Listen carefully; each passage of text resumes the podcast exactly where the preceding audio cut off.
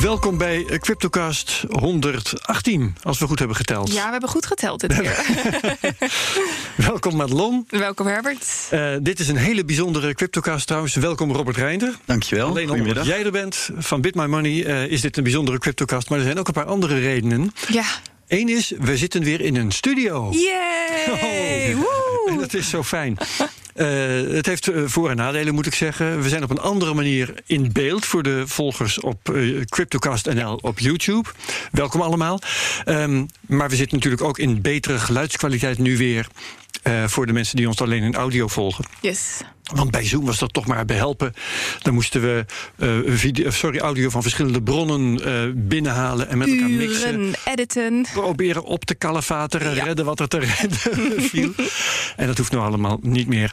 Dus, uh, nou, bijzonder. We moeten nog even wennen aan de opstelling van de camera's. Ja, de, de microfoon eventjes... stinkt enorm, want die is net heel erg ontsmet. we hebben een scherm tussen ons in staan, een anti-spatscherm. Nou, het is helemaal coronaproof. Dus ook gasten die met consumptie spreken, daar zijn wij nu tegen gewapend. Dat is ook heel prettig. We gaan het hebben over de inhoud. Zullen we dat doen? Ja, laten we dat Want doen. we gaan het met uh, Robert Reinder natuurlijk hebben over, nou, over Bit My Money. Hoe gaat het daarmee? Over hoe um, uh, AML D5 voor jullie gevolgen heeft. En ook over allerlei andere dingen. Um, de halving natuurlijk. De halving. De nasleep daarvan wat de koersontwikkelingen van de laatste tijd voor jullie uh, voor gevolgen hebben. Hoe het zit met de klanten, of die nog een beetje aan willen komen. Zeker. Um, nog te veel om op te noemen. En dat wordt dus interessant. We geven geen beleggingsadvies. Nee.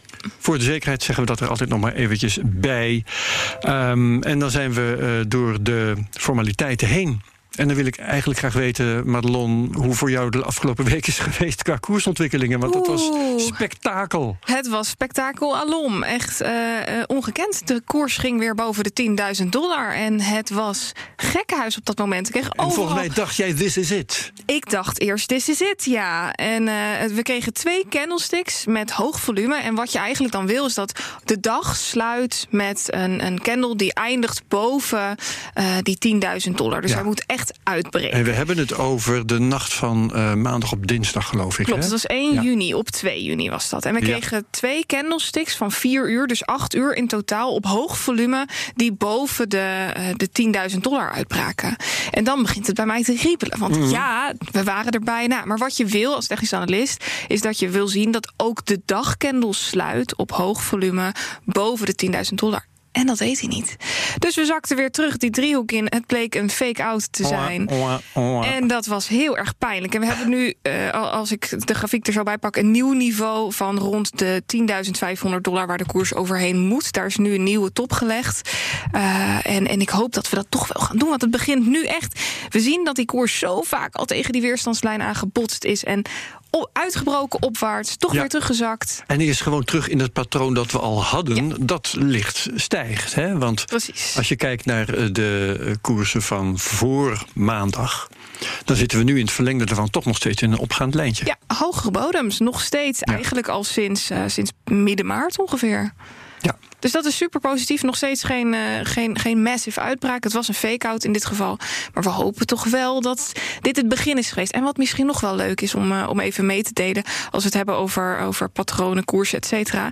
Ik weet niet of het jullie is opgevallen... maar Plan B heeft ineens een rood stipje achter zijn naam. Een, ja, ja, ja, ja, dat een rood stipje. Ja. Op, zijn, uh, op zijn grafiek heeft hij namelijk het eerste rode stipje ontdekt. En nou, het stock-to-flow model. Het eerste dat... meetpunt bij de nieuwe stock-to-flow. Precies. En Ja. het eerste rode meetpunt. En dat insinueert in de meeste gevallen tot nu toe dat de, eh, de rally of de boelmarkt begint. En dat is dan nu de vraag: is dat model nog correct? En was dit Ja. dan het begin van de boelmarkt? Dat nieuwe stipje staat nog wel gewoon op het oude niveau. Ja, zeker Want weten. wat dat betreft is het nog maar hij is wel rood. Ja, ik dacht dat de rood, kleur ja. te maken had met het, de tijd tot aan de volgende halving van zijn grafiek. Maar dat is wel... Ja, dat kan wel zijn. Maar goed, dat betekent dus wel dat we hè, in de fase van de, sinds de laatste halving is dit het eerste meetpunt. Ja. Ja, en we Dat wel. zien, we zien dan zeg maar dat. eh, eh, de, de alle rode stipjes die we tot nu toe hebben gezien, die zitten in een opwaartse beweging. Dus dat was ook wat Plan B dan op Twitter zei. Is dit nou het begin van de bull market? Of ja, wellicht klopt het model niet? Of Ja. ja, Precies. Ja, en, en uh, goed, voor hem zijn de koersen hetzelfde als voor ons. En er is nog Precies. geen teken. Nou ja, oké, okay, ja, als je het. Uh, die opgaande lijn is natuurlijk wel. Ja, ja. Nou, maar, dat is natuurlijk het probleem als je de hele naar de grafieken gaat kijken.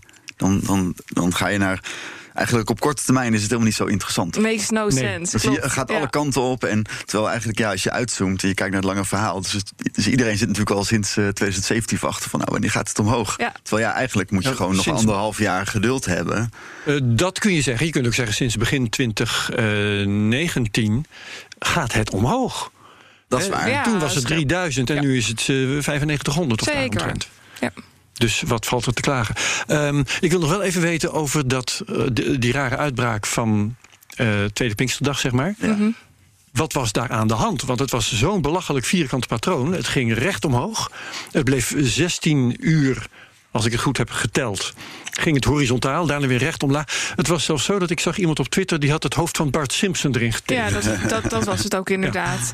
Ja. Uh, dat, dat, noemen ze ook wel een Bart Simpson patroon. Oh, wat, hier, ja. wat hier precies achterweg gekomen is, ja, het, het, het ging echt als een rechthoek omhoog ja. en als een rechthoek weer naar beneden. Iemand riep ook, uh, het was een whale. Alsof het gemaakt was, ja. ja. En, ja. en dat er gewoon één iemand is geweest die hier wat mee gedaan heeft. Er lagen gewoon te veel uh, celorders rond, uh, rond de 10.500 en daardoor klapte de markt weer terug. Het kan ook zijn dat hij het zelf gedaan heeft. Dat is heel erg lastig in te schatten om hier iets aan, aan, aan vast te hangen. Dat, dat, dat, durf ik niet te zeggen. Ja, nee, maar het was niet helemaal de natuurlijke gang van zaken. Nee, nee, nee, dat is het nee. ding wat zeker. Dat is absoluut niet, niet natuurlijk. Nee. Ja, ja, ja. Robert, je zei op eigen initiatief al wat, maar um, hoe kijk, kijk jij aan tegen de koersontwikkelingen van de laatste tijd? Ben je daar heel druk mee of zeg je van nou, dat uh, gebeurt allemaal toch wel?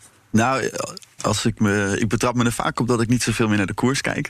Dus meer dat mensen vragen in mijn omgeving van... nou, en wat vind je ervan? Is je koers gedaald? Of, uh, ja. Ik zo, uh, Oké, okay, ik ga even kijken. Ja, ja, ja. ja. ja want het is toch je werk? Ja, het maar ja, toch wel alle kanten op. Het werk is natuurlijk niet om de hele dag... ook als je bitcoins bezit, hm. zou je heel veel rust kunnen krijgen... als je niet de hele dag naar die koers zit te kijken. Absoluut. Maar toen zeg maar, met die lockdown-maatregelen en toen uh, corona echt een wereldgroot probleem leek te worden. Toen die zo hard omlaag ging, toen was ik natuurlijk wel enigszins verrast. Omdat, ja, dat is onderwerp hebben we ook in een video uitgedragen. Van hey, als Bitcoin zo'n veilige haven is, dan zou Bitcoin eigenlijk gewoon niet geraakt moeten worden door een uh, wereldwijde crisis. Ja. Maar dan zouden juist mensen moeten instappen. Dus toen zijn we wel eens gaan kijken van hey, hoe, hoe zit dat nou? En daar heeft Madelon natuurlijk ook allerlei. Hebben jullie ook aandacht aan besteed, wou ik zeggen. Ja. En um, ik ben wel blij, zeg maar, dat hij wel weer terug is. Hè, als we dan toch een soort mening moeten geven, dat hij weer terug is naar het niveau van voor corona. Want in principe heeft corona natuurlijk geen effect op Bitcoin. Bitcoin is daar niet door geraakt. Ben je nee, gaan twijfelen? Nee, nee. nee, ik twijfel eigenlijk nooit. Oké. Okay. nee, zelfs als hij naar duizend zou gaan, dan zou ik een klein beetje onrustig worden. maar dat is ook vooral omdat het gewoon het is wel belangrijk dat het stabiel is. Ja. En mag, ja. daar mag best zeg maar 50% omhoog, 50% omlaag. Nou, ik, herinner, ik meen me wel te herinneren dat toen hij uh, rond de 5000 bivakkeerde, dat jij het uh, wel, wel zat te balen. Hmm. Hoe lang is dat geleden? Uh, dat zal dan. In 2018 of zo. Ja, ja, ja toen was hij in, in neerwaartse richting, uh, was hij de, richting 5000 gegaan. Ja. En toen vond jij dat toch wel vervelend. Ja, ja dat is ook het, ik heb zeg maar een soort van die om maar even vooruit te lopen op ja, wat ik zo ja. ga vragen. Dus ik ben natuurlijk ook ondernemer, dus het is ja. ook, heeft ook effect op de dagelijkse praktijk. Precies. Ik ben ook bitcoin bezitter, dus hij heeft het ook nog wel. Hmm. Hè, dus los van. Uh, en uh, maar 2018 hebben wij onwijs. Uh, persoonlijk heb ik een heel druk jaar gehad wat betreft uh, werk, zeg maar. Dus door de hype hebben we het onwijs druk gehad. Mm -hmm. En nou ja, nee, ja, wat is nou het antwoord? Ja, het is natuurlijk. Ik, ik zeg zelf altijd: ik heb het liefst dat hij gewoon heel rustig een paar procent. Nou, misschien 20% per jaar of zo. Dat zou mooi zijn. Heel rustig. Blijft te stijgen. Zeg maar, hè? En dan, want dan kan je ook mensen, krijgen mensen het vertrouwen om in te stappen en ja. dergelijke. En als ja. hij zo hard omhoog gaat, bedoel, hij is een keer 20 gegaan in 2017. Ja. Maar ja, in 2018 ook weer gedeelte 3. En uh, ja, daar wordt natuurlijk wel een klein beetje onrustig van. Dat is wel waar. Nee, zeker. Oké. Okay. Goed. Um, zullen we het over nieuws gaan hebben? Wat voor nieuws heb jij, Madelon? Uh, even kijken hoor. Ik kon het uh, nieuwtje zo vlak voor de uitzending eventjes niet meer terugvinden. Maar ik kan het nog even uit mijn hoofd herproduceren. Ik had natuurlijk het nieuws over dat de koers boven de 10.000 dollar kwam. Maar ik had nog een ander nieuwtje gevonden en dat ging over Greg Wright. En het liefst heb ik het niet over Greg Wright. Maar in dit geval vond ik het wel heel erg grappig. Greg Wright heeft namelijk een. wel sterke verhalen. Ja, precies. Hij heeft een ontzettend lange lijst aangeleverd met adressen die aan hem toe zouden behoren. Waar die Coinbase-transactie ook in zit. De eerste transactie die, uh, die gedaan is. Dat is voor die rechtszaak, hè? Om een miljoen bitcoins met die familie Kleiman. Zo, ja, dat klopt inderdaad. Hij heeft vroeger dus samengewerkt met, god, wat is de naam nou? Dave, Dave Kleiman. Dave, Dave Kleiman. Ja, En die familie van Dave, Dave zelf overleden. Die familie van hem die spant nu een rechtszaak aan. En dat gaat om miljoenen, al dan niet miljarden, als ik me niet vergis. Ja, een miljoen bitcoins. Het is gewoon, uh, wat is het op dit moment, 9 miljard dollar of zo. Hè? Ja, daar gaat het inderdaad om. En dan 50-50 zou het moeten worden verdeeld. En Craig probeert te bewijzen dat hij ja, eigenlijk de rechtmatige eigenaar van die, van die bitcoins is. En daarmee dus dat hij Satoshi Nakamoto zou zijn. Hij heeft een hele lijst aangeleverd met allemaal adressen. En hij moet bewijzen dat die adressen aan hem toebehoren. En wij hebben al vaak geroepen: waarom voert hij niet een transactie uit? Signeert hij dat met zijn naam? En dan is het klaar. Dan is die hele rechtszaak afgedaan. Nu is er iemand opgestaan uit die, uh, die, die, die, lijst met adressen. En die heeft gezegd: hey, dit is mijn adres. En uh, dat heeft hij niet zomaar gedaan. Hij heeft zelf een transactie van 150 bitcoin gedaan. Hij heeft het gesigneerd en niet gesigneerd met dit, dit is mijn transactie. Maar hij heeft gezegd, uh, Craig Wright is, een fraud. En uh, het klopt niet wat hij zegt. En dat stond in die transactie. Nou, het staat gewoon in de blockchain nu. Precies, het staat in de blockchain. ik vond het prachtig dat hij op deze manier even weer bij de les gehaald ja, is. bekend wie dat is geweest? Nee, nee ik, ik kan het stukje ook zo even niet meer terugvinden. Maar volgens mij ik is heb het ook voorbij zien komen en ik heb gezocht naar wie is het dan. Maar uh, dat is volgens mij niet bekend gemaakt. Nee, nee. nee maar het is, het is een leuk verhaal. En ik, ik begrijp nog steeds die hele rechtszaak niet. Want als ik de eigenaar was van een miljoen bitcoins, dan zou ik van alles doen, maar niet de wereld bewijzen dat ik daar eigenaar van was. Want dat levert alleen maar complicaties ja, op. waarom zou je dat willen? Maar goed, ja, daar, daar zou je juist willen ontkennen dat ik het, dat ik het had. Ja. Ja, en hij loopt heel erg groot risico op dit moment dat hij uh, echt straks de gevangenis in moet. Ja al dan niet, als ze geloven dat hij de bitcoins heeft, dan heeft hij een probleem met de belastingontduiking. En als ze het niet geloven, als hij niet heeft, heeft hij allerlei uh, gevaarlijke uitspraken gedaan, mensen aangeklaagd. Uh, dan wordt hij straks echt voor oplichting uh, ja. Even mijn eten en dergelijke. Dus hij, hij is een heel gevaarlijk spel aan het spelen. Ja. En nog los daarvan, waar, waar jij eigenlijk op doelt, Herbert, is op het moment dat hij zou bewijzen dat hij het wel had, nog los van alle belastingtechnische gevolgen, je loopt gewoon überhaupt een risico als je zegt: Ik heb heel veel bitcoin. Ja. Dat is sowieso niet verstandig. Uiteraard. Dus uh, ja, linksom of rechtsom. Volgens, het, uh, volgens mij heeft hij ook altijd gewoon beveiliging bij zich. Ik heb wel eens wat video's gezien. En hij heeft ook een bevriende miljardair waar hij dit hele circus mee financiert. Ik heb ah. wel eens filmpjes, filmpjes gezien dat hij bij een conferentie was en dat dan twee wat bredere mannen uh, mensen op afstand gingen houden en zo. Ja, het is, echt, het is echt een beetje een enge, eng verhaal. Hij is waarschijnlijk gewoon gek. Ja. Ja. Dat is heel goed mogelijk. ja. Oké, okay, had jij nieuws eigenlijk? Nou, ik, zei, ik, ik, ik volg niet zo heel veel nieuws. Nee. Maar ik luister bijvoorbeeld heel veel podcasts. En ik had net zitten nadenken van... laat ik dan één... totaal niet bitcoin dit... maar waar ik heel door geraakt was... was deze week de, de podcast Plantage van onze voorouders...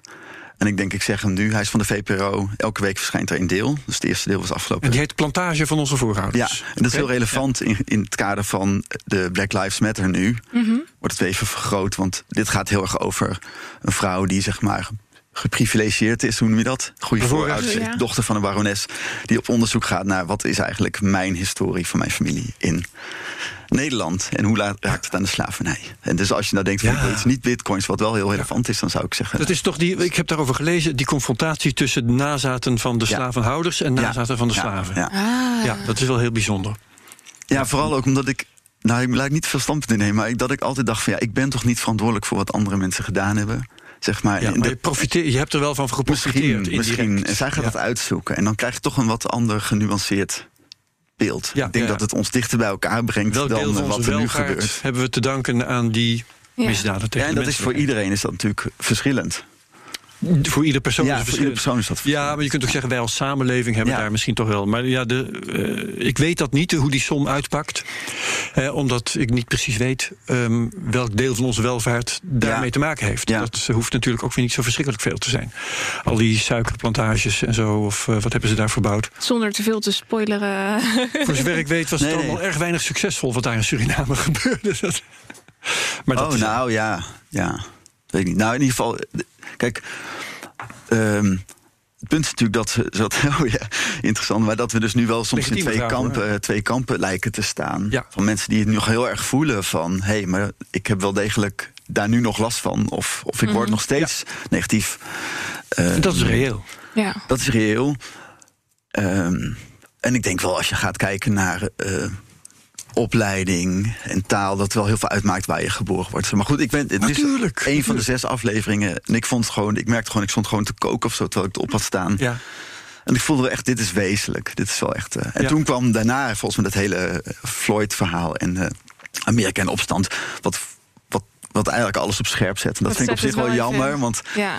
ik denk dat Nederland echt een stuk beter is dan de Verenigde Staten wat dat betreft. Maar eh, ik hoop eigenlijk dat. eh, ik, ik zou er wel iets mee willen, zeg maar. Dat we dichter Ja. bij elkaar komen op, op dit onderwerp. ja. Nou, we gaan hem luisteren. Zeker. tof. Ja, goed. Dank voor de tip. Ehm, mijn nieuws gaat over een organisatie die heet. dan heb ik het weer niet goed voorbereid hoor. Ik heb het bericht over een eh, organisatie die eh, standaards gaat ontwerpen voor tokenisatie. En eh hupla. Eh, daar eh, doet Microsoft in mee, Nasdaq.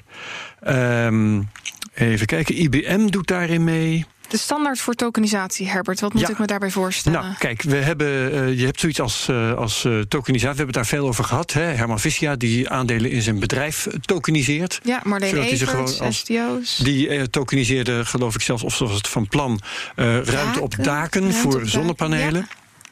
Ik heb in de crypto-update een keer een verslag gedaan van een Amerikaanse basketballer die zijn contract tokeniseerde. Ja. Om dat dan aan anderen te verkopen en om die anderen daar dan eh, winst mee te laten maken als hij nog eens een keer een beter contract zou krijgen. Ja. Dus eigenlijk alles van waarde kun je tokeniseren. En dat, er wordt veel gedaan, maar iedereen zit opnieuw het wiel uit te vinden. En er is dus nu een organisatie, en ik ben in het bericht op eh, de IWA. ehm, waar staat waar? Oh, de Interwork Alliance. Hè, nu heb ik het eindelijk teruggevonden. Dus eh, je kunt googlen op Interwork Alliance, eh, Microsoft Chainlink, Hyperledger, IBM, Nasdaq, Zo. Accenture en alles. Dat is niet de geringste. Jeetje. Die gaan daar standaarden voor eh, opstellen. En dat is natuurlijk handig, want als er dan een keer iets getokeniseerd wordt en daar staat dat stempel op van deze standaard, dan weet je hoe het is gedaan. En dan weet je iets over de betrouwbaarheid, eh, over uitwisselbaarheid, over verhandelbaarheid. En noem Maar dat is dat überhaupt nodig, zo'n zo'n stempel, Herbert? Dat is het eerste wat er in mij, Nou ja. mij opkomt. Op het moment dat zo'n contract opgesteld is en jij kan zelf inzien in zo'n contract of dat via de juiste wetgeving, et cetera, plaatsgevonden eh, heeft, heb je dan überhaupt een derde partij die zijn stempel erop drukt nodig? Nou, dat is dan geen derde partij, maar dat is een, een standaard. En jij verklaart dat je je daaraan hebt gehouden. Ehm, dus dus het, is, het is geen keurmerk. Ehm, waar moet ik het nou mee Is het dan vergelijken? een Nou, met- protocol, zeg maar, net als Ja, eh, voor het internet? Met, eh, of, of GSM of iets dergelijks, weet je wel. Er zijn allemaal van dat soort standaarden. Die ook, eh, hoe noem je dat ook weer? interactie, nee, dat is niet het juiste woord. Interoperabel. interoperabiliteit, ja. compatibiliteit garanderen. Ehm, ja, dat, dat is gewoon handig. Dat, is, dat bevordert het ontstaan van een bedrijfstak. Dat bevordert eh, vertrouwen en, eh, en samenwerking. Dus het is juist ontzettend goed dat deze partijen nu samen eh, de, Ja, Ja. de koppen bij elkaar steken. Ja, en dat zijn er hier een 28. Ik heb niet de complete lijst. De, eh, ik heb het van Cointelegraph en ik neem aan dat zij hebben gedaan wat ik ook zou doen, namelijk de grootste namen er even uitvissen. Ja. Dus die heb ik nou genoemd. Eh, maar 28 partijen die dit gaan doen en als Microsoft en IBM daarbij bij zitten en Accenture niet te vergeten, ja, dan, eh, dan heeft het wel enig gewicht. Dus eh, interessant om in de gaten te Ik ben houden. natuurlijk wel benieuwd naar, hè, want je, ik kom een beetje uit de technische kant. We hebben natuurlijk in 2017 heel veel van dit soort initiatieven gezien. Ja, En is dit dan gekoppeld aan een specifieke blockchain bijvoorbeeld? ja, die indruk heb ik helemaal niet. Nee, maar nee, dat, want eh, Hyperledger is eh, eh, niet standaard een decentrale blockchain. Nee. Dus dan krijg je al dat het eh, ja, meer gaat lijken op een database dan op een uh, decentrale oplossing, open voor iedereen. En volgens mij is de uitdaging bij tokenization veelal niet eens technisch, maar juridisch. Ja. Dus op zich zou het kunnen zijn dat dat er dan, als er een standaard is, dat daar dan wetgeving bij kan komen. Dat, Nederland oh, dan ook gaat zeggen: oh, als je volgens die standaard doet, dan mag het ineens. Maar dat is weer een heel ander probleem hoe de politiek er tegenover staat. Hè? Want die zijn natuurlijk helemaal niet erg vriendelijk uh, gestemd tegenover tokenisering. Tegenover al dit soort uh, initiatieven. Zodra het, het cryptocoin, zodra je het woord cryptocoin uh, bij je bedrijf lanceert, dan kun je vaak nog niet eens een bankrekening krijgen. Hebben we hier mhm. nog eens een keertje besproken. Ja. Dus dat is een apart probleem. Ja, dat gaat waarschijnlijk wel veranderen als mensen die dit aanbieden, dus zich dan ook gaan registreren. He, waar we ja, straks over gaan hebben. Zeker gaan we het daar straks over hebben.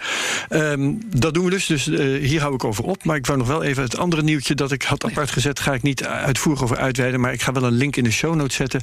naar het bericht dat er in Venezuela weer nieuw gedoe is met de petro. is altijd leuk om bij te houden. Ze willen daar nu uh, mensen stimuleren om te tanken met hun petro's. En dus hun benzine te betalen met de petro. Als je nu je benzine met petro's afrekent, krijg je korting. Of beter gezegd, het is poepie duur als je het op een andere manier doet. Ja. En het is Venezolaans goedkoop als je het met petro's afrekent. Uh, maar die petro's die zijn natuurlijk zo onbetrouwbaar als wat. Dat vindt iedereen in Venezuela. Dus het zal wel weer niet werken. Maar het is heel leuk om dit te volgen. En uh, het wordt steeds gekker daar. Maar ze willen dus, dus eigenlijk iedereen richting de, de petro toe krijgen, als ik het goed begrijp. Ja, dat willen van, ze. Ja. richting de Bolivar. Dat hebben ze daar toch. Ik denk dat ze daar meer de neiging hebben in Venezuela om richting dollar en bitcoin en dash en dergelijke te gaan. Mag je daar niet. Je mag tot 10.000 dollar uh, aanhouden.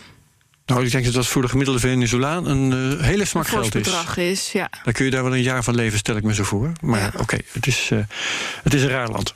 Zeker weten. We gaan het hebben over Robert Reinder, over Bit My Money, over alles des bitcoins. Leuk. Hoe, hoe is jouw bedrijf de bear market eigenlijk doorgekomen? Ja, ja want daar raakte net al Je bestaat nog, dat vind ik al heel wat. Ja, ja.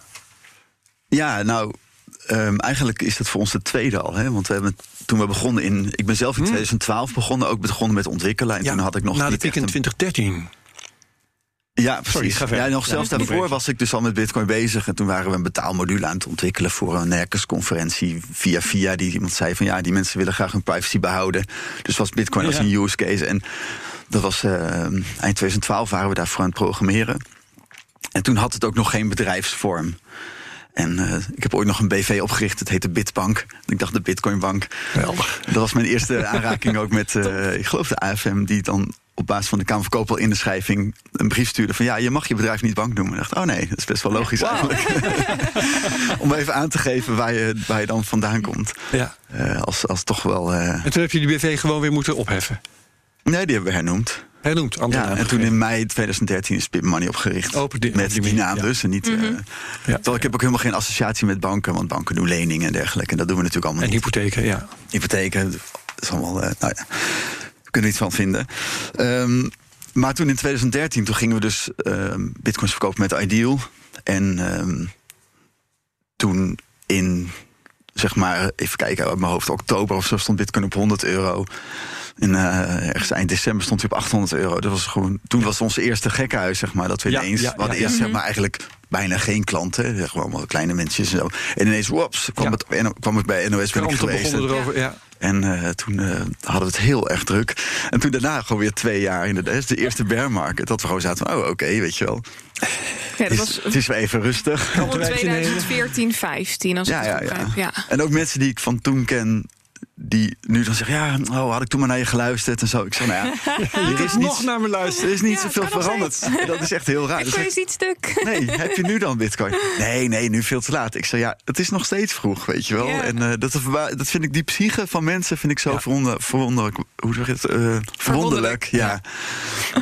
Maar goed, toen kwam 2017 en toen waren we ook al, hè, hadden we eh, meerdere medewerkers, kantoren en het was mhm. allemaal een serieus, serieus bedrijf.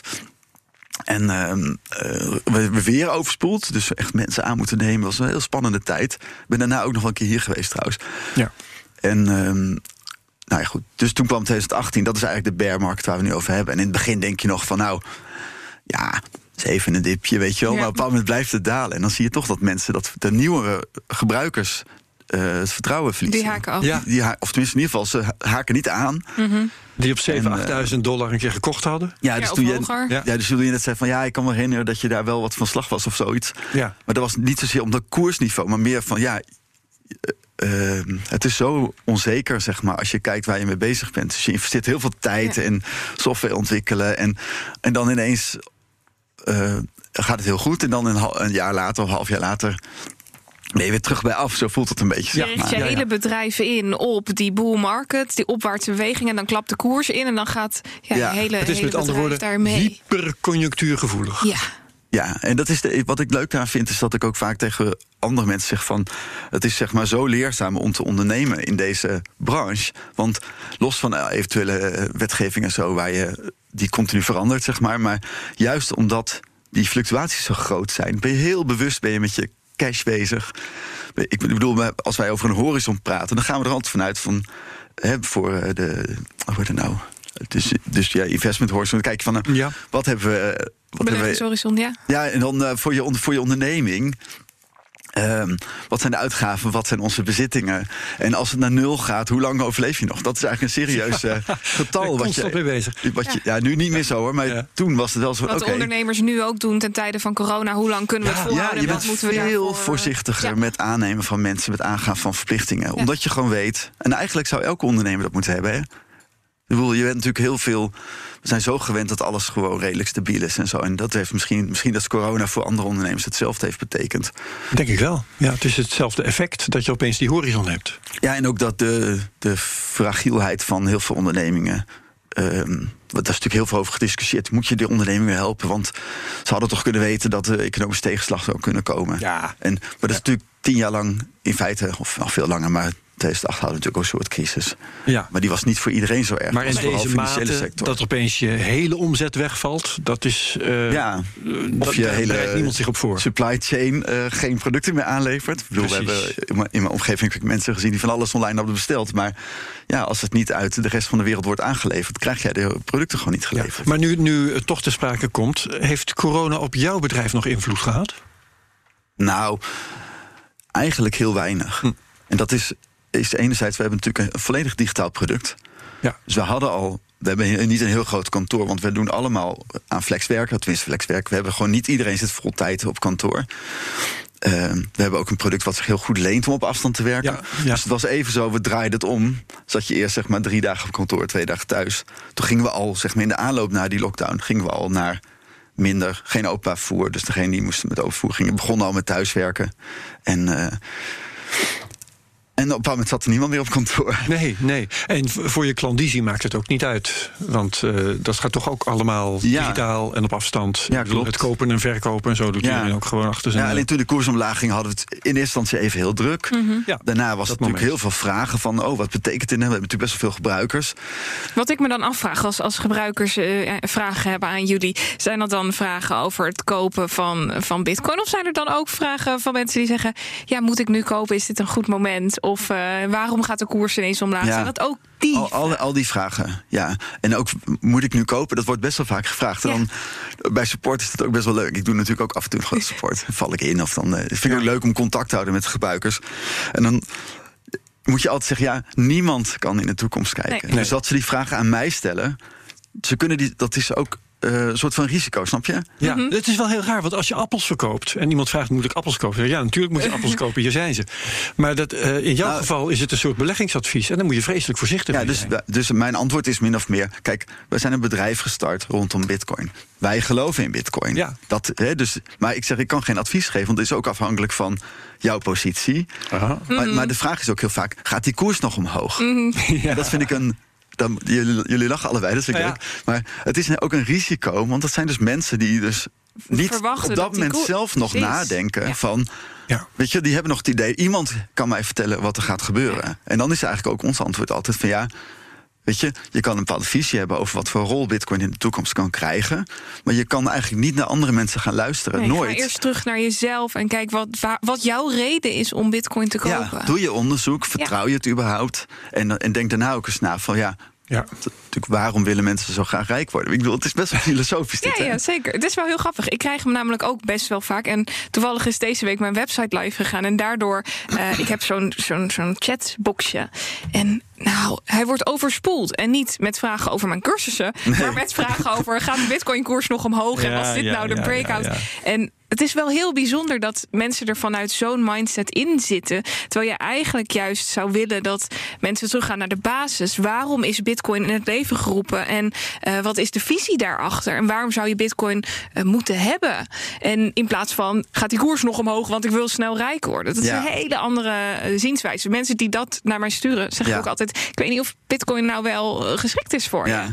Nou, je ziet, ik vind het wel leuk. Ik, ik zit natuurlijk op Reddit en Twitter en dat soort dingen. Mm -hmm. En dan zag je, zie je vaak van die memes voorbij komen. En waarom mensen in Bitcoin komen is vaak verschillend. Dus uh, uh, ik geloof dat er eentje was van. Uh, I came for the technology. I stayed for the. Nou ja, ik, ik, ik werd daarna geïnteresseerd. Ik uh, sorry hoor. Ik kwam voor de techniek. Ja. Ik bleef hangen voor de prijsstijging. En, ja. en nu uh, geloof ik erin omdat het de toekomst van, de, van het nieuwe geld is of zo. Ja. Wel, zoiets. Ja, ja, ja, En dat eerste stapje, kijk, ik kwam ook vanuit de techniek. Ja. Van hé, hey, dit is de blockchain is een uitvinding. En, en ik, die eerste bitcoins die ik kocht, kreeg ik een getalletje in mijn mobiel wat omhoog ging. Dat zei me nog niks. Maar toen die van zeg maar, dat was nog 2012 dus, van 5 naar, naar 9 euro ging. Toen dacht ik, hé, hey, dat is grappig. Ja, ik koop er een paar bij ja, of zo, weet je wel.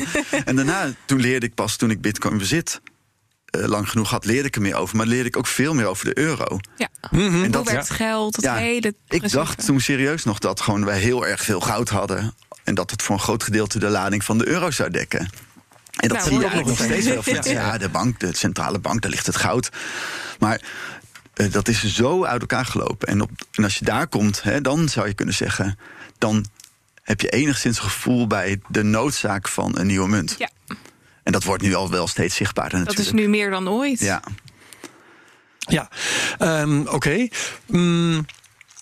Mm, AMLD5. Oh ja, Want, uh, daar begonnen Ja. we. ja. Uh, ik weet nog niet of, of, we helemaal uitgevraagd zijn over. Uh, oh nee, ja, de, die, ja, nee, die bear market weten we uh, nou wel. Dat, dat, daar ben je dus eigenlijk gewoon bestand tegen. door alle voorgaande ontwikkelingen. Dat heeft je niet, niet heel erg uit evenwicht gebracht. Ervaar jij de periode die nu. Nou, ja? Nou ja, we hebben wel uh, begin 2019 een paar contracten niet kunnen verlengen, bijvoorbeeld. En dat is, dat is best wel. Uh, dat, okay. is, dat is niet leuk. Nee. Dat is nu alweer twee jaar geleden, maar toch. Uh, of is nee, twee jaar geleden, anderhalf jaar geleden. Dus we hebben natuurlijk wel. Ja, je moet wel daarop inspelen. Dus je gaat ook kijken. Je. En ervaar jij de periode die nu begonnen is, tenminste zo wordt er algemeen toch wel over gedacht, als uh, uh, begin van een nieuwe bullrun en uh, het succes gaat weer met het bedrijf op de loop? Ja, ik, of, of is het ik zo wel, ik nog ben, niet? Madelon noemde Plan B al en ik denk, ik, ik heb heel veel modellen bekeken die voorbij kwamen de afgelopen jaren en ik vind deze wel heel erg elegant, omdat het echt naar een fundamentele eigenschap van Bitcoin kijkt, namelijk die halvering van die beloning. Dus uh, qua marktwerking, aanbod en vraag. En daar zit een hele duidelijke relatie tussen. Dus ik vind het Bit Bitcoin stock-to-flow model heel erg geloofwaardig, zeg maar, hè, plausibel. Mm -hmm. uh, ook die vierjaarscyclus, die zie je ook terug in 2017 en 2013. Mm -hmm. Dus we gaan er wel van uit dat we volgend jaar weer zo'n druk jaar gaan krijgen. En dat kan niet uitkomen, maar dat is wel waar je op, op, waar je op, in, uh, op voorsorteert. Ja, ja, ja, ja. ja. Um, Oké, okay, uh, AML D5 riep ik al. Ja. Um, daar heb ik jou ook wel over zien twitteren, geloof ik. Uh, in elk geval, dat, het houdt iedereen bezig, dus jullie ook, dat weet ik wel zeker. Laten we eerst maar eens even uh, erover hebben. Wat heeft dat voor effecten op jullie bedrijf? In ieder geval kosten, dat weet ik zelf al, dat hoef ik je niet te vragen. Want ook jij zult dat ja. toezicht moeten ondergaan ja. en daar moet je dus gewoon voor betalen. Ja, wat wel fijn is, is dat het zeg maar in 2019, 2020 dus is. Want stel dat je volgend jaar een heel druk jaar hebt, die moeten ondertussen ook nog die hele procedures doorlopen. Dus ja. zijn we, wat dat betreft is de, hele, de timing is heel goed. Mooi zo. Um, ik denk ook dat. Ik heb dit natuurlijk voorbesproken van ja, wat is nou eigenlijk ons standpunt? Want ik, als je meerdere personen in de Bitcoin-wereld luistert, zijn de meeste zijn toch wel vrij. Zeker mensen die geen bedrijf hebben, die zijn vrij uh, radicaal. Die vinden het allemaal belachelijk. En um, ja, genuanceerd ben ik toch wel blij dat er iets van regulering komt. Ja. En waarom, waarom is dat? Ik denk dat het duidelijkheid geeft.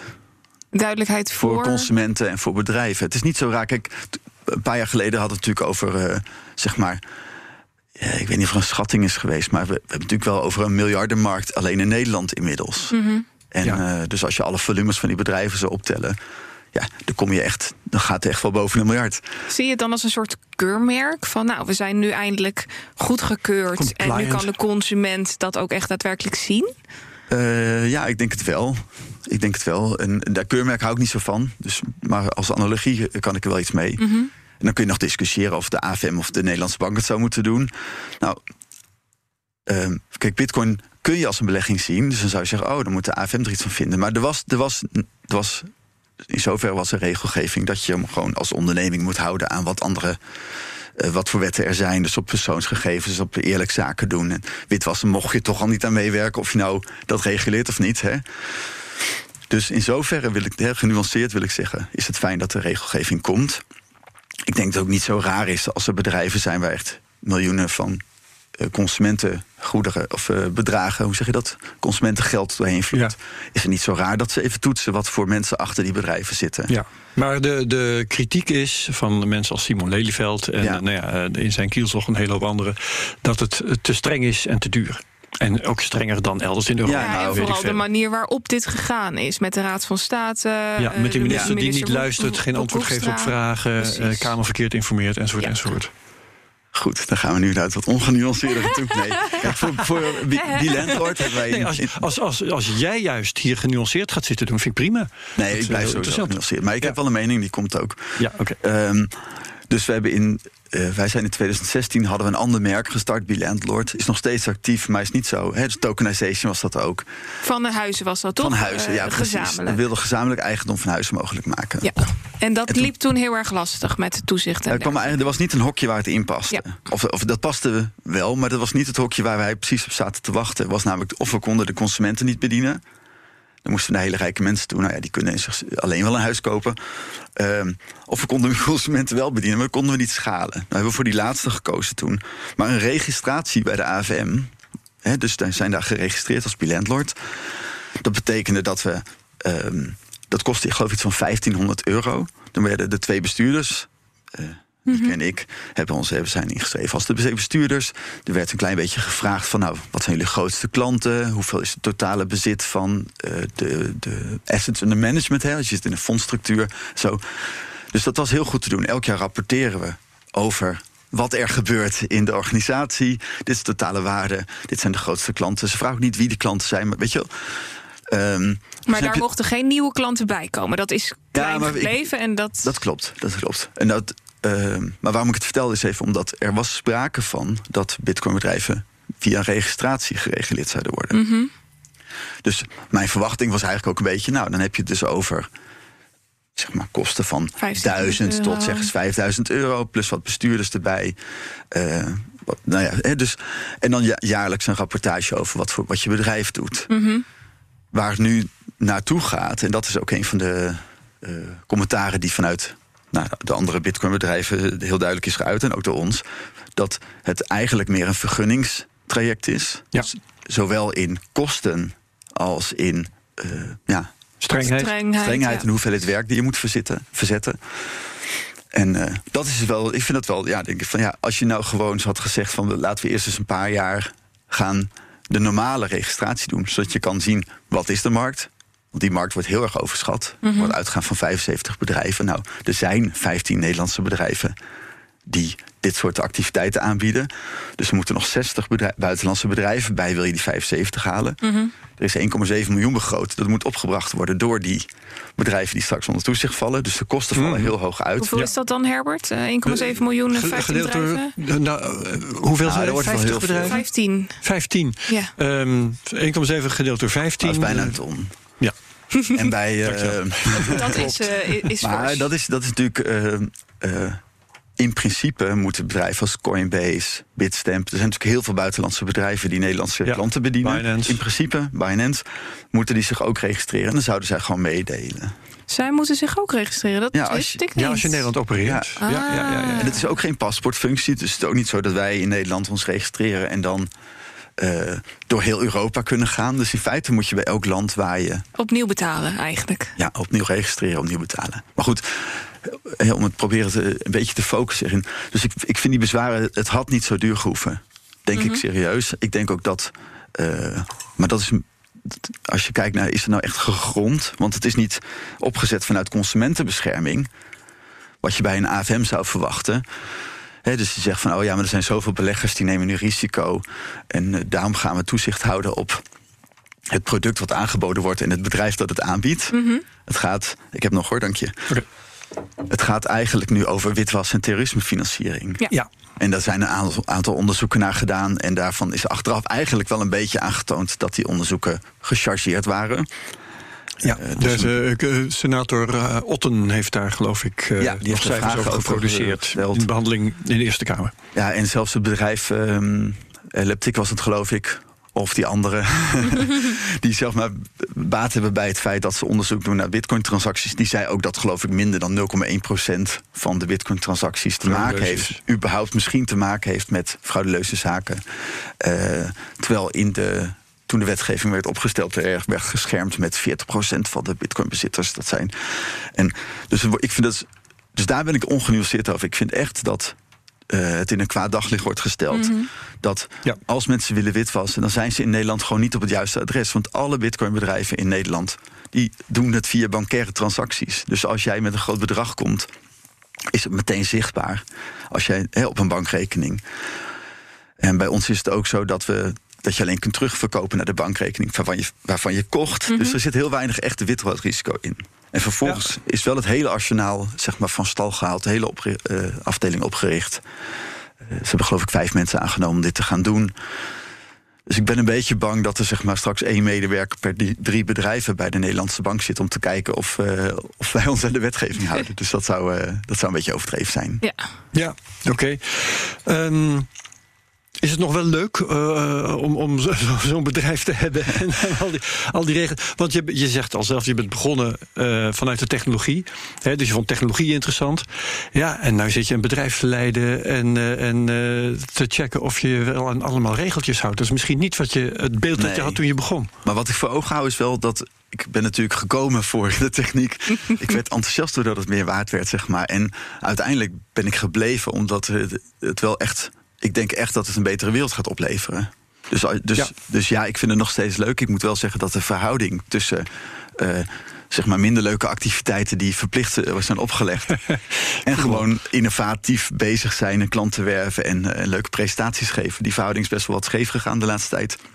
Maar goed, dat zal over een tijdje ook wel weer een beetje uitgemiddeld zijn als iedereen geïdentificeerd is. En de, de, ja, als, hoe zeg je het, als het ingeregeld is bij alle partijen, dan, dan is dat weer Dan business. hoef je er weinig aandacht meer aan te besteden. Ja, maar ik hou wel voor ogen dat ik denk gewoon dat het financiële systeem wat we nu kennen, dat het schadelijk is.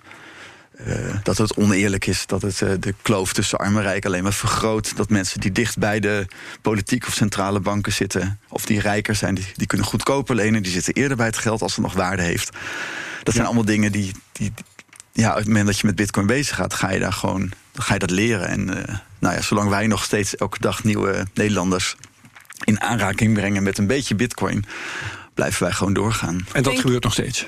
Zeker. Denk je dat eh, de AML D5-regels die opgesteld zijn uiteindelijk ehm, goed zijn voor Bit My Money of juist nadelig zijn? En dan kun je dat uitdrukken in, in geld of in de hoeveelheid klanten, eh, de betrouwbaarheid van Bit My Money aan zich.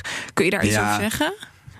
Ehm, kijk, ik, ik zit een beetje in het midden. Dus natuurlijk is de drempel voor nieuwe aanbieders hoger. Dus op korte termijn kan je stellen van, oh, dat is fijn. Hè? Dus wordt de markt tussen minder mensen, minder bedrijven verdeeld. Maar dat is ook niet hoe ik wil ondernemen. Nee, dat is wel een hele rare. Ja, daar hou ik niet zo van. Ja. Ehm, wat ik wel prettig vind, is bijvoorbeeld alle cryptobedrijven kunnen nu, als je niet iets van een registratie hebt, kun je ook geen reclame maken. Dat verbazen mensen zich vaak over. Hè? Nog steeds niet, sinds 2017 met al die ICO-toestanden. Eh, Twitter, eh, YouTube, Google AdWords, overal worden je advertenties worden gewoon afgewezen omdat het cryptocurrencies betreft. Zo.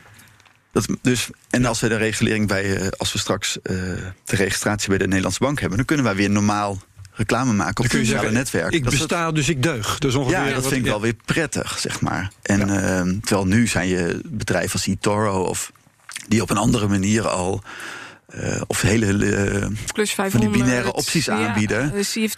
die mogen wel crypto reclame maken. Terwijl ik vind dat dat, dat mensen misschien nog wel schadelijker Dat is veel schadelijker. Ja. Dan heb je niet eens bezit je niet eens echt bitcoin. Ga je speculeren met binaire opties. Tegen een, een wederpartij die er nog extra geld op verdient ook. Ja. Dus ik denk dat het aan, die kant het speelveld weer wat beter maakt. Mhm. Maar eh, en het vertrouwen geeft het op zich ook wel. En ik denk ook niet dat het erg is dat alle bedrijven een keer naar zichzelf gaan kijken. Of dat er naar gekeken wordt van zijn alle bestuurders betrouwbaar. En eh, Dus ondanks dat het veel geld kost, kan het in de long run nog best wel eens positief uitpakken. Omdat de consument zien, dit zijn betrouwbare partijen, die vallen onder toezicht. En omdat bitcoin Ja. in zijn algemeenheid wat meer eh, onder toezicht valt. helemaal eens. Alleen dat had ook ietsje lichter gekund. Ja. Ja. Dus ik vind nu wel ook de privacy dan. van de eindgebruiker worden nu, wordt nu best wel strenge eisen aangesteld. Althans, dat je veel sneller aan. eh, hè, als jij naar de mediamarkt gaat, kun je een televisie kopen van 3000 euro. Wil je voor 30 euro bitcoins kopen, dan moet je eerst je paspoort uploaden. zeg maar.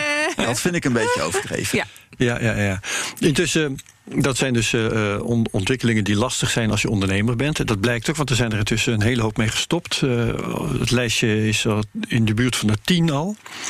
Ehm, ja, zonder daar nou vervelend over te willen. Ja. Je profiteert daar geloof ik wel van, want er vallen concurrenten weg. Eh, je hebt de klanten van CoinGarden eh, erbij gekregen. Ja. Of in elk geval hebben ze dat hun klanten aangeraden. Bitter is eh, weggevallen met een product waar jullie een alternatief voor hebben. Ja. Bitkassa niet te vergeten. Ja, Bitkassa, precies. Bitkassa, kijk, die anderen waren of jong of kende ik niet eens zo goed. Maar Bitkassa kennen we eigenlijk sinds het begin 2013. Ja, zijn gewoon collega's Het zijn natuurlijk. gewoon Ja. collega's, dus zit ook samen in de Verenigde Bitcoinbedrijven Nederland. Mhm. Dus we hebben ook echt eh, wel even contact gehad en Ja. gekeken van goh, ehm, zijn er niet mogelijkheden om toch verder te gaan? Mhm. Ja, kijk. Je kan natuurlijk zeggen van je hebt er voordeel bij, maar als je, als je heel eerlijk bent, er is onderzoek gedaan en de, de markt is zo ontzettend klein. Ja. Dus ik bedoel, het aantal mensen in Nederland dat bitcoins bezit, dat zit op, zou volgens onderzoek van de AVM zelf hè, iets van 500 à 600.000 mensen zijn. Dat is wel uit 2018, maar goed, ik denk niet dat in de bear market dat verdubbeld is. Nee. Dus minder dan een miljoen Nederlanders doen iets met bitcoin, terwijl wij denken dat straks dat 10 miljoen gaat zijn. Oké. Dus dan moeten we zeg maar heel blij zijn dat we van die miljoen, van het kleine marktaandeel, dat we dat nu een beetje gaan herschikken. Ik heb altijd gezegd van Ja. we gaan niet concurreren bij, we gaan niet concurreren bij andere mensen eh gebruiks weghalen. We gaan proberen mensen die er nog niet in zitten, concurreert met om euro. die over de streep te Precies. trekken. Ja. Dus in Heel zoverre, goed. ja, natuurlijk. eh, dat, dat het komende half jaar, als de Nederlandse bank bezig is met al die processen inrichten, kunnen mensen gewoon geen bitcoinbedrijf starten. Dat zou je als een voordeel kunnen zien. Maar ik heb liever eigenlijk dat er gewoon nog tien kleine ondernemingen zijn die op, in allerlei niches Ja. eh, mensen over de streep gaan trekken. Gezellig meegroeien en ook leuke dingen doen. Overigens is het Patrick van der Meijden zelf die eh, een vraag Ja, stelt via Twitter. Ehm, kort en goed, eh, wat, wat staat er op jullie to-do-lijst? Wat, wat zijn de plannen? Nou, er is, er is best wel veel, best wel veel tijd gegaan. Afgelopen paar maanden, zeg maar. Of misschien wel een half jaar. Naar, toch, ja, we, de- we deden heel veel al. Alleen het moest nu allemaal veel formeler. En we moeten veel meer, ja. Dus eh, de innovatie heeft een klein beetje stilgestaan. Ja. Maar, Maar dat betekent bezig. dat je des te, dat je, moet nu een stuw meer van plannen hebben. oh ja, nou, ik ben heel erg, eh, ik ben heel erg go with the flow. Maar ik heb, we hebben wel een paar dingen erop staan. Ehm, Lightning is natuurlijk ook, eh, volgens mij was er nog een vraag over eh, eh, BIP 70 ook. Dat raakt hier Ja. ook aan. Ik zie heel erg dat we op het punt staan. Hè, de, de- wat bedoel, daarmee bedoel ik zeg maar de komende vijf jaar of zo. Dat er een grote om- omslag gaat vinden voor het gebruik van Bitcoin via Lightning. Dus dat zijn kleine betalingen die sneller zijn en goedkoper zijn. Jij dan gelooft toch het- wel in betalingen via bitcoin? Er zijn ook mensen die hebben dat al zo'n beetje opgegeven. Nee, ik denk. Nou, daar heb ik echt een filosofie over. Ja, kom op. ik geloof er heel erg in. Maar dat is wel een Ja. beetje op welk moment. Hm? Dus eh, als geld. Als je iets als geld wil aanmerken, dan moet het drie stadia doorlopen. Hè. Dan moet, dus als store value moet het geschikt zijn. Dus je moet als, je, hè, als iemand die nu luistert zegt van nou, ik stop 100 euro in bitcoin. Die wil wel het gevoel hebben dat zeg maar over een maand die 100 euro nog steeds... Een beetje die 100 euro Een beetje die 100 euro is. Of meer, dat is leuk, maar in ieder geval minimaal die 100 euro. Nou, dat is zeg maar een beetje het stadium waar we nu in zitten. Dus oké, het fluctueert nog. Maar elke keer als je twee, drie jaar terugkijkt als dat je horizon is. Hè. Dus niet te snel rijk. Maar als je gewoon zegt: nee, dit is geld van de toekomst. Ik heb geduld. Dan kun je beginnen met 100 euro. En dan kun je ook het gevoel hebben dat je niet zo groot risico loopt. Nou, dat moet eerst uh, op orde zijn. Daarna ga je het pas gebruiken als een medium of exchange. Dus dat je mee uit gaat wisselen. Nou, dat zien wij best wel toenemen vooral internationaal, is het gewoon prettig als jij een dienst ergens afneemt. Dat je niet weer al je creditcardgegevens hoeft in te, in te vullen en zo. Maar dat je gewoon zegt: Oh, ik koop even voor 50 euro een abonnementje op dit of dat. We gebruiken het zelf bijvoorbeeld voor onze sms-servers. Die kunnen we met. Of een push-over is dat, push-over mhm. service. Die kunnen we met, uh, met Bitcoin betalen en dat zit in Amerika. Dan neem ik gewoon hup, 5000 berichten af. Betaal al 10 euro, ik weet niet of dat is. Netjes, dan is het geregeld. Dan betaal je met bitcoin. Betaal met bitcoin. En daarna als derde krijg je pas dat je het als rekeneenheid gaat gebruiken. Nou, daar zijn we nog lang niet. Ja, dat, dat, je je belastingaangifte erin kunt doen, bedoel je? Uh, nou, meer ja, dat je een in de supermarkt. Ja, precies. Dat je weet, één bitcoin is dit, oké. Of in ieder geval sociaal gezien onderling. Dat ja. ik zeg van nou, ik wil mijn auto verkopen. Een rekeneenheid, dan denk je dus echt, je, je doet je administratie in bitcoin. Dan is het nee, volgens mij is dat meer bedoeld als uh, gevoelswaarde. Dus mensen, toen de euro werd geïntroduceerd, zeg maar zes jaar later, sprak mijn moeder nog steeds van. Nou, dat is wel gulden. duizend gulden, ja. hè, wat je nu over hebt. Weet je wel? Dat terugrekenen. Ja, ja, ja. ja. En, uh, en dat is ook vaak een kritiek dat mensen zeggen: ja, en dan ben je zo van Bitcoin, maar alles wordt nog in euro's uitgedrukt. Ik zeg, ja, maar dat, is, dat heeft niet met het geld te maken. Dat is gewoon onderling. Sociaal heb je een gedeelde waarde, ja. gevoel bij euro. Ja. Uh, dus geloof ik in het betalen. Ja, ik denk dat de, de conclusie moet zijn dat de blockchain zelf niet geschikt is om de betalingen van de hele wereld in te mhm. gaan vastleggen. Ja. En dat is natuurlijk. Uh, is, is gewoon te duur en dat gaat ook niet schalen. Ik bedoel, dat is ook niet de bedoeling dat het gaat schalen. Dan heb je die laag van eh, technologische ontwikkeling daarbovenop. Waarbij dat wel kan. Nou, ik heb. Het voorbeeld is altijd: ik heb een keer een biertje gekocht in Delft in 2014 met Bitcoin betaald. Die transactie zit nog steeds in die blockchain. Ja. Terwijl dat is voor niemand interessant. Nee. Dus, um, maar als jij voor een groot fonds een, een, hele grote transactie gaat doen, dan wil je dat misschien wel gewoon mhm. vast in de blockchain hebben liggen. Dus ik denk dat die tweede orde, of de, de tweede laag van transacties die ook decentraal is, die veel sneller is, goedkoper is, dat dat straks een vlucht gaat nemen. Nou, we hebben een mobiele app. Daar kan je nu alleen in kopen en verkopen. En voor versturen moet je naar de website. Nou, dat is natuurlijk wel eens het gebruiksvraag: wanneer kan ik in de app versturen? En dat is mijn antwoord een beetje: ja, ik wil straks dat de mobiele app eigenlijk meer je portemonnee wordt. Dus dan krijg je contactloos betalen, als in Lightning betalen, krijg je in de app. En voor de grotere bedragen, ja, dan moet je eventjes achter je laptop gaan zitten.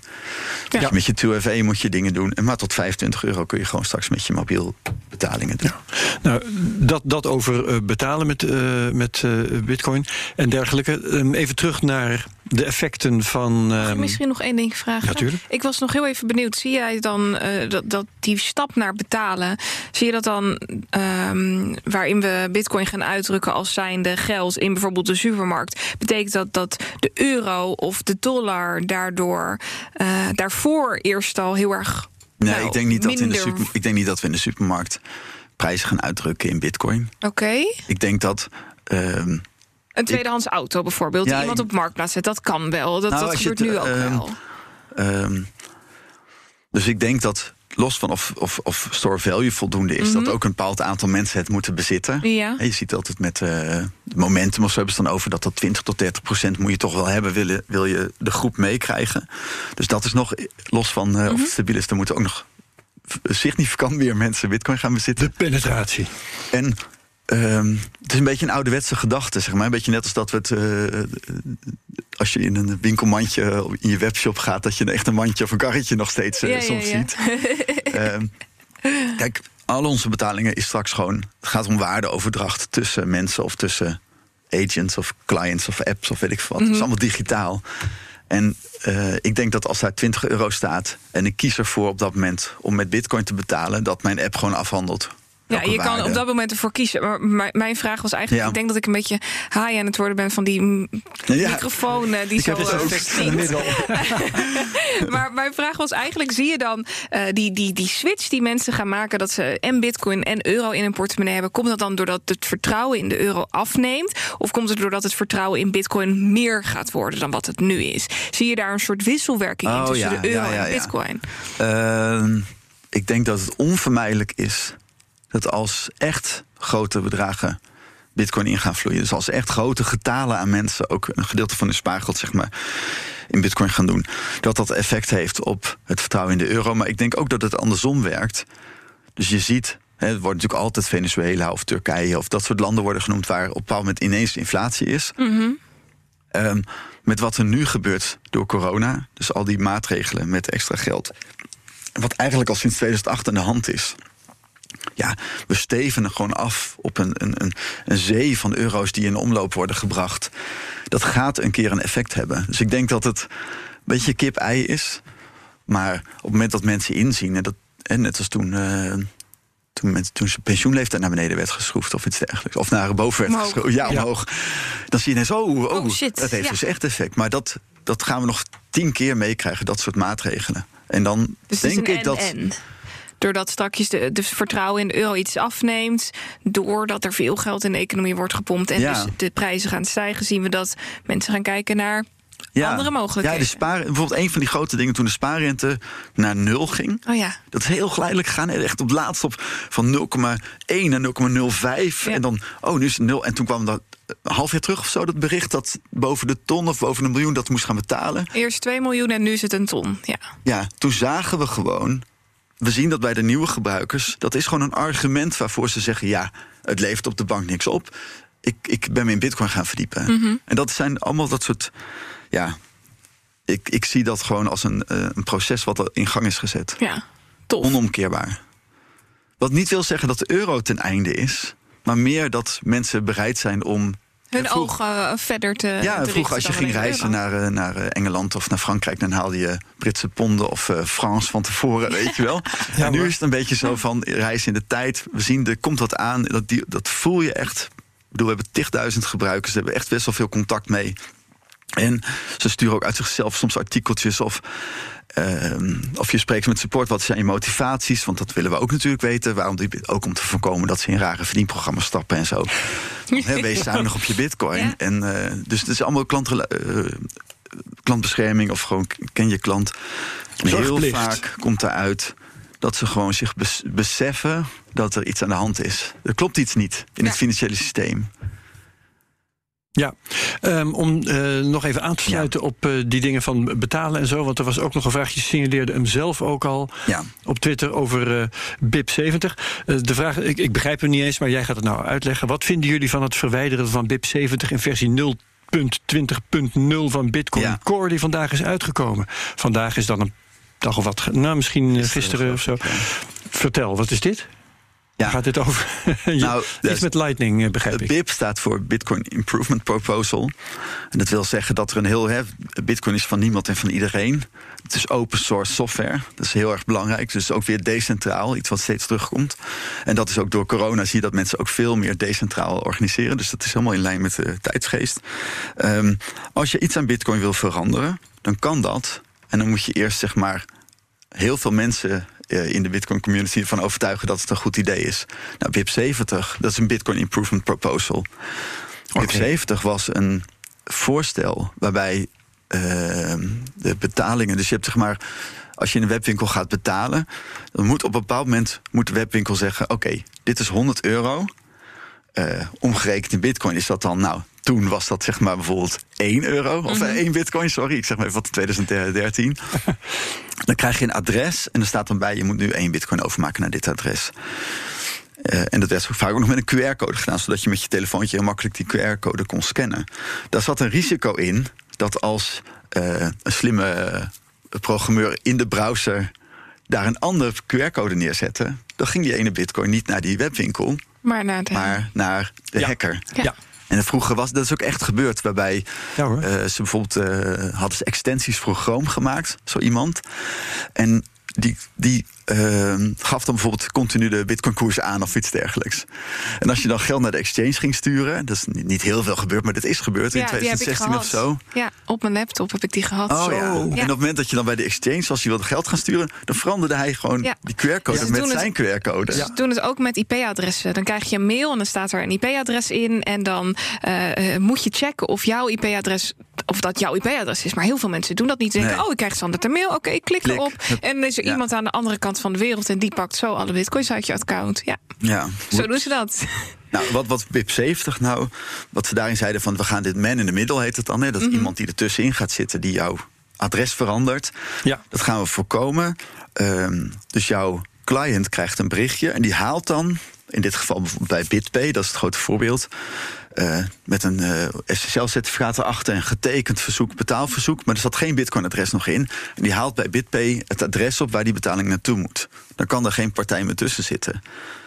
Um, dit betekent ook dat er zijn nu iets van meer dan 10.000 webshops. Nou, ik weet niet eens, maar veel meer dan 10.000 webshops in de wereld die BitPay gebruiken. Oh ja. Mm En in al die webshops gaat dus om de betaling te doen, jouw client even naar BitPay toe om een adres op te vragen.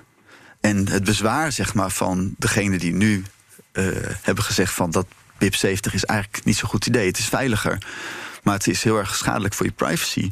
Betekent dus dat BitPay al die uh, verzoeken van al die webshops ziet. Dus hij kan niet alleen, hij ziet niet alleen van oh deze webshop verkoopt nu voor 100 euro, mm -hmm. prima, maar hij ziet ook nog bij welk IP-adres die transactie hè, vanaf jouw thuis IP-adres gaat. Ja, ja. Eh, jouw client dan naar uh, BitPay toe. En dat is volgens mij het grote argument. Ja, dat is nog een argument dat het SSL-certificaat ook gecentraliseerd is. Maar dat, dat is nu ook zo. Dus dat is een iets minder erg. Maar dit is wel een ding. Namelijk het dus privacy-aspect. Privacy-aspect. Dat kan, betekent dus dat hè, als de NSC meekijkt bij BitPay, dan kan die zo zeg maar een uh, IP-adres van een persoon thuis gaan koppelen aan transacties in een webshop. Want dat is een, best wel een lastige afweging. Want hè, dus uh, je, je offert dan uh, serieuze winst in security, offer je op aan privacy. Ja.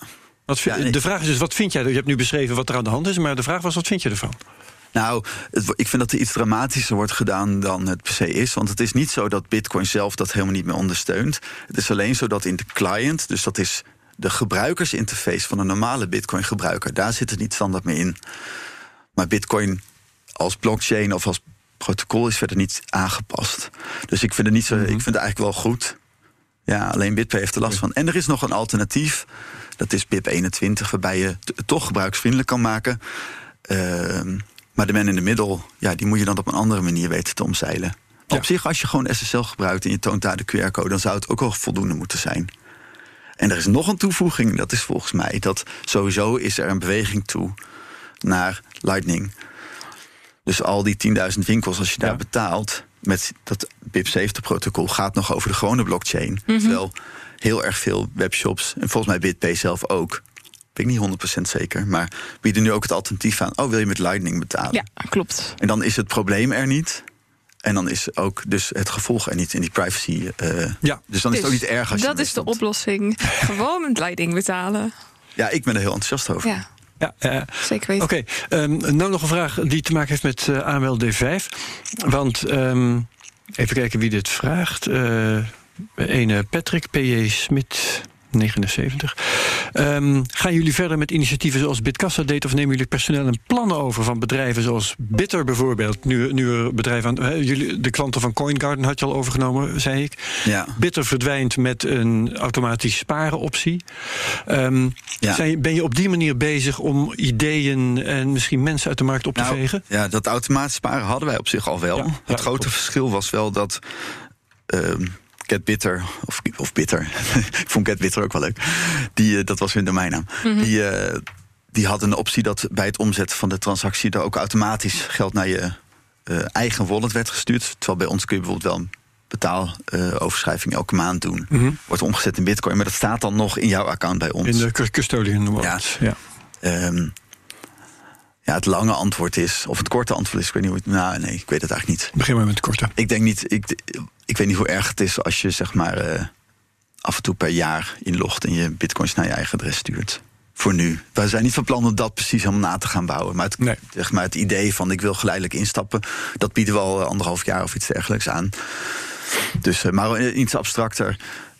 Ehm, er is gewoon contact met al die bedrijven onderling. En ik denk dat de gebruikers van de andere bedrijven niet. Ze komen niet allemaal bij ons. Alleen CoinCard hebben we dat meegedaan. Ik geloof dat Bitkassa een paar partners heeft aangeraden. Waar wij ook tussen staan. Voor hun, hun klanten. Ja. En uh, ja, ik vind het nog een beetje hetzelfde. Ik vind het jammer. Ik vind het jammer. Ik denk als er duidelijkheid was geweest over de kosten. Dat, dat die kleine bedrijven misschien hadden gezegd: Nou, 5000 euro het eerste jaar, dat, dat uh, durf ik wel aan. Terwijl ja, het, het is nu ergens tussen de 25.000 en, uh, en uh, onzeker. En ik denk dat dat uh, hoofd, hoofd, hoofdpunt is dat mensen zeggen: Nou, laat dan maar zitten. Ja. Ja, we gaan gewoon door. Ik bedoel, we hebben. Ik vind het ook wel leuk dat als je gaat kijken naar die 15 bedrijven, zijn alle 15 heel verschillend. Bijvoorbeeld. Um, de 15 die, die nog staan, die de, Ja, de 15 ja. echte Nederlandse bedrijven. De, de, Bitkast was wel echt een uitzonderlijk, omdat ze ook wat meer uh, van de eerste stempel waren, de oude stempel, zeg maar. En echt betalingen deden. Maar je ziet bijvoorbeeld dat een paar bedrijven bieden echt alle munten aan. Sommige zijn niet custodian, andere wel. Hè, dus die hebben geen wallet service. Andere kun je echt tussen munten handelen. En uh, nou, Bitonic en wij zijn veel meer gericht op Bitcoin. En, uh, dus ik denk dat er nog dat er genoeg bedrijven zijn nu om voor iedere verschillende Nederlander om een plek te vinden. Ja, Zeker. We zijn ruim een uur bezig. Marlon, heb jij nog een vraag voor de laatste ronde? Ik zat net eventjes het een en ander door te lezen, Herbert. Maar uh, nee, eigenlijk niet. Uh, we hadden nog één onderwerp wat we zouden bespreken. En dat ging over de having. Zijn daar nog specifieke dingen over die we moeten vragen aan Robert Reiner? Ik denk dat we beter uh, jou kunnen vragen, Robert Reiner. wil, wil jij daar nog iets over kwijt? Heeft de halving voor jou een bepaalde betekenis? Nou, wat of? wel gebeurde, want dat is op zich wel leuk. Um, het is ik heb ook met mijn collega's nog gevraagd. Eén iemand zei: Ja, er gebeurde eigenlijk niet zoveel. Ik had echt het gevoel van: Oh, dat was een feestje. En, dat en had ik de eerste keer en, dat ik het meemaakte. Dus bij support zaten we ook soort van klaar van: Nou, je weet ja, me nooit, weet je wel. Dat is echt oud en nieuw. ging het uh, uurtje of, wat was het, 11 uur of 9 uur of zo? Ochtends? Nee, nee, het was s'avonds, toch? Ja, ja 9 uur s'avonds of zo. Dus we hadden ook serieus, we hadden gewoon gepland, we blijven langer doorgaan. En uh, ja, er gebeurde natuurlijk niet zoveel. Nee. Niet zoveel. Maar de dagen daarna zag je wel dat de, de iets van 10, 15 procent minder rekenkracht was. Althans, ja, het duurde langer right. voordat ja, de transacties ja, erdoor gingen. Er kwam ook heel veel geld in beweging. Dus er waren relatief geloof, op een bepaald moment weer 80.000 transacties in het Bitcoin-netwerk. die in de wacht stonden om verwerkt te worden. Maar ja, het was toch binnen een dag of uh, zeven of zo liep dat er netjes weer terug. En gingen die fees ook weer wat naar een normale niveau. En, uh, dus ik denk wel dat de halving tot gevolg gaat hebben als je terugkijkt, dat de fee langzaam blijft stijgen. En dat de druk om techniek als Lightning te accepteren gewoon steeds groter gaat worden. Mm -hmm. Omdat je voor kleine bedragen gewoon niet uh, een euro of, uh, of twee euro aan transactiekosten wil gaan betalen. Ja, ja, ja. Maar alles is toch weer redelijk terug naar normaal. De difficulty is iets omlaag bijgeschroefd. Transacties gaan weer snel door. En uh, ben wel blij, want het is natuurlijk de derde keer dat nu die halving is. Dat je toch ziet dat nou, eventjes onzekerheid en daarna is er ja, gewoon weer rust. Niks aan de hand. Niks aan de hand. Vooralsnog ja. niet, hè? Want Vooralsnog. we weten niet of die dead spiral alsnog komt. Het is een mogelijkheid. Nou. Uh, acht jij dat niet? Nee, denk ik niet. Oké. Okay. En waar, waarom zie je dat zo? Ja, het is toch best wel een balans elke keer. Dus ja, oké, okay, weet je, net als dat is eerder geweest natuurlijk met miners. Oh, de miners vallen om. Ja, dat is ook gewoon een bedrijfstak. Ja, tuurlijk. Maar uh, dus, dus, hoe, hoe, ik het zou zien, is het de miners die nu 30% uh, uh, van de miners had zeg maar hun ja. apparatuur uitgezet. Of althans, 30% aan rekenkracht was uitgezet. En die, die, die miners die staan dan misschien nu even stil, hebben dezelfde berekeningen gemaakt als jullie in 2018. De ondernemers ten tijde van corona. En denken, ja, ja we kunnen dit een poosje volhouden. We zetten ze weer aan als het weer kan. Uh, maar op het moment dat zij uh, het niet zouden kunnen volhouden en wel een hele voorraad aan bitcoins hebben, dan zou ik denken, misschien kunnen ze die dumpen op de markt. Dat ja. zorgt voor een lagere prijs. En misschien krijg je wel meerdere groepen die dat in één keer gaan doen. En dan krijg je toch wel echt even een prijs uh, ja, wat, ik, wat ik denk is dat in als je kijkt naar uh, die chipfabrikanten die uh, in de loop van deze afgelopen tien jaar, of nou, van 2013 had je volgens mij de eerste ASIC miners, dus zeven jaar. Er zijn steeds nieuwe apparaten die op de markt gekomen die steeds weer efficiënter waren. Mm -hmm. Dus die miners zijn ook langzaam van hun winsten nieuwe miners gaan kopen. Dus wat eruit is gezet, dat zullen echt de vervuilende oudere computers zijn. Mm -hmm. Ik denk ook niet dat ze die weer aan gaan zetten. Ik denk dat ze nu gewoon investeren in nieuwe machines.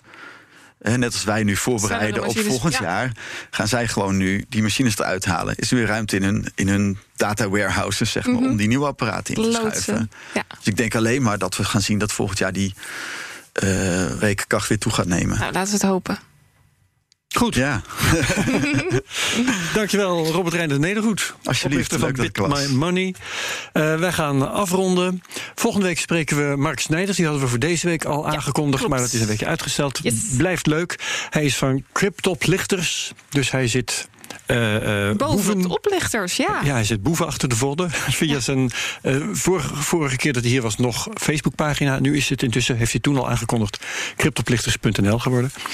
En hij is van bitbrokertrade.com, waar je een automatische bot het handelen voor je kunt laten doen. En dat heb jij toen nog getest, volgens mij. Ja, ja, ja, ga ik nou niet over beginnen, want de CryptoCast is voorbij. Maar gaan we volgende week gaan we uitgebreid met hem ook over hebben. Um, op YouTube uh, CryptoCast.nl. als je deze uh, aflevering op YouTube hebt gezien, dan weet je dat al. Maar uh, anderen kunnen dat ook nog gaan proberen. Je kunt reviews achterlaten op iTunes, dan worden we beter vindbaar. Je kunt ons op Twitter uh, delen enzovoort. Met abonneren de mensen op dit kanaal. CryptoCast.nl. YouTube-kanaal abonneren, like, subscribe, comment. Ja, vorige week hadden we een beetje iets raars. het leek erop oh, alsof we een, een shadowban hadden. Onze views gingen heel erg rap omhoog. En dat viel toen stil en is eigenlijk stil blijven liggen. Dus zorg ook als je deze podcast leuk vindt, zorg dat je hem deelt. Omdat het dus dus kan voorkomen dat, uh, dat hij niet meer automatisch in de zoekresultaten komt. Ja, uh, YouTube is daar gewoon mee bezig. Dus abonneer op dit kanaal, doe je duimpje omhoog en delen. Oké, okay, dit was het voor deze keer. Dit was de CryptoCast. Allemaal bedankt en tot de volgende keer. Yes. Dag. Hi.